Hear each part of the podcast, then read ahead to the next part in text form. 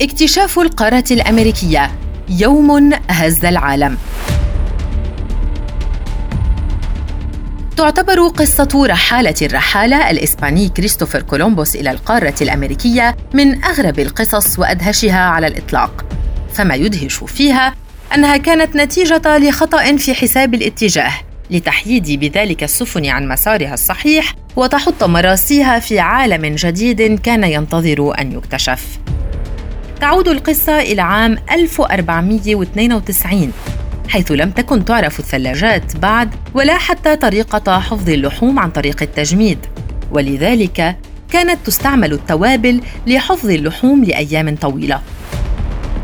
ونظرا لأن مصدر التوابل هو بلاد الهند فإن الرحلات التجارية كانت تستغرق وقتا طويلا عن طريق وحيد للإبحار وهو من البحر الأبيض المتوسط عابرا إلى البحر الأحمر ومن ثم متجها إلى بلاد الهند عن طريق المحيط الهندي.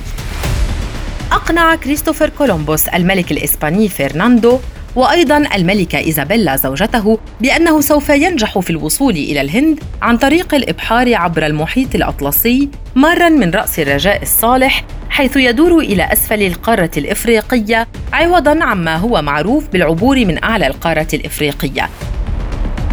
فكان أن أعطي له الموافقة بذلك لتكون هذه أول مرة يخوض هذا المحيط.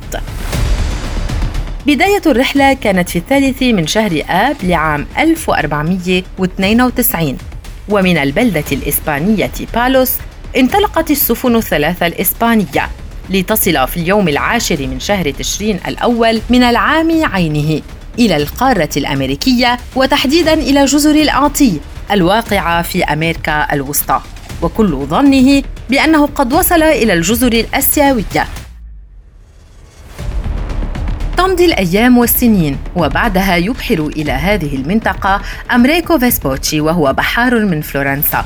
فيعلن لأوروبا بأن كريستوفر كولومبوس قد أخطأ في وجهته التي أرادها وبأنه قد اكتشف عالما جديدا مختلفا.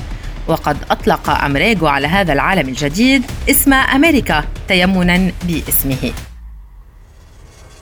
كان ذلك في العاشر من أكتوبر عام 1492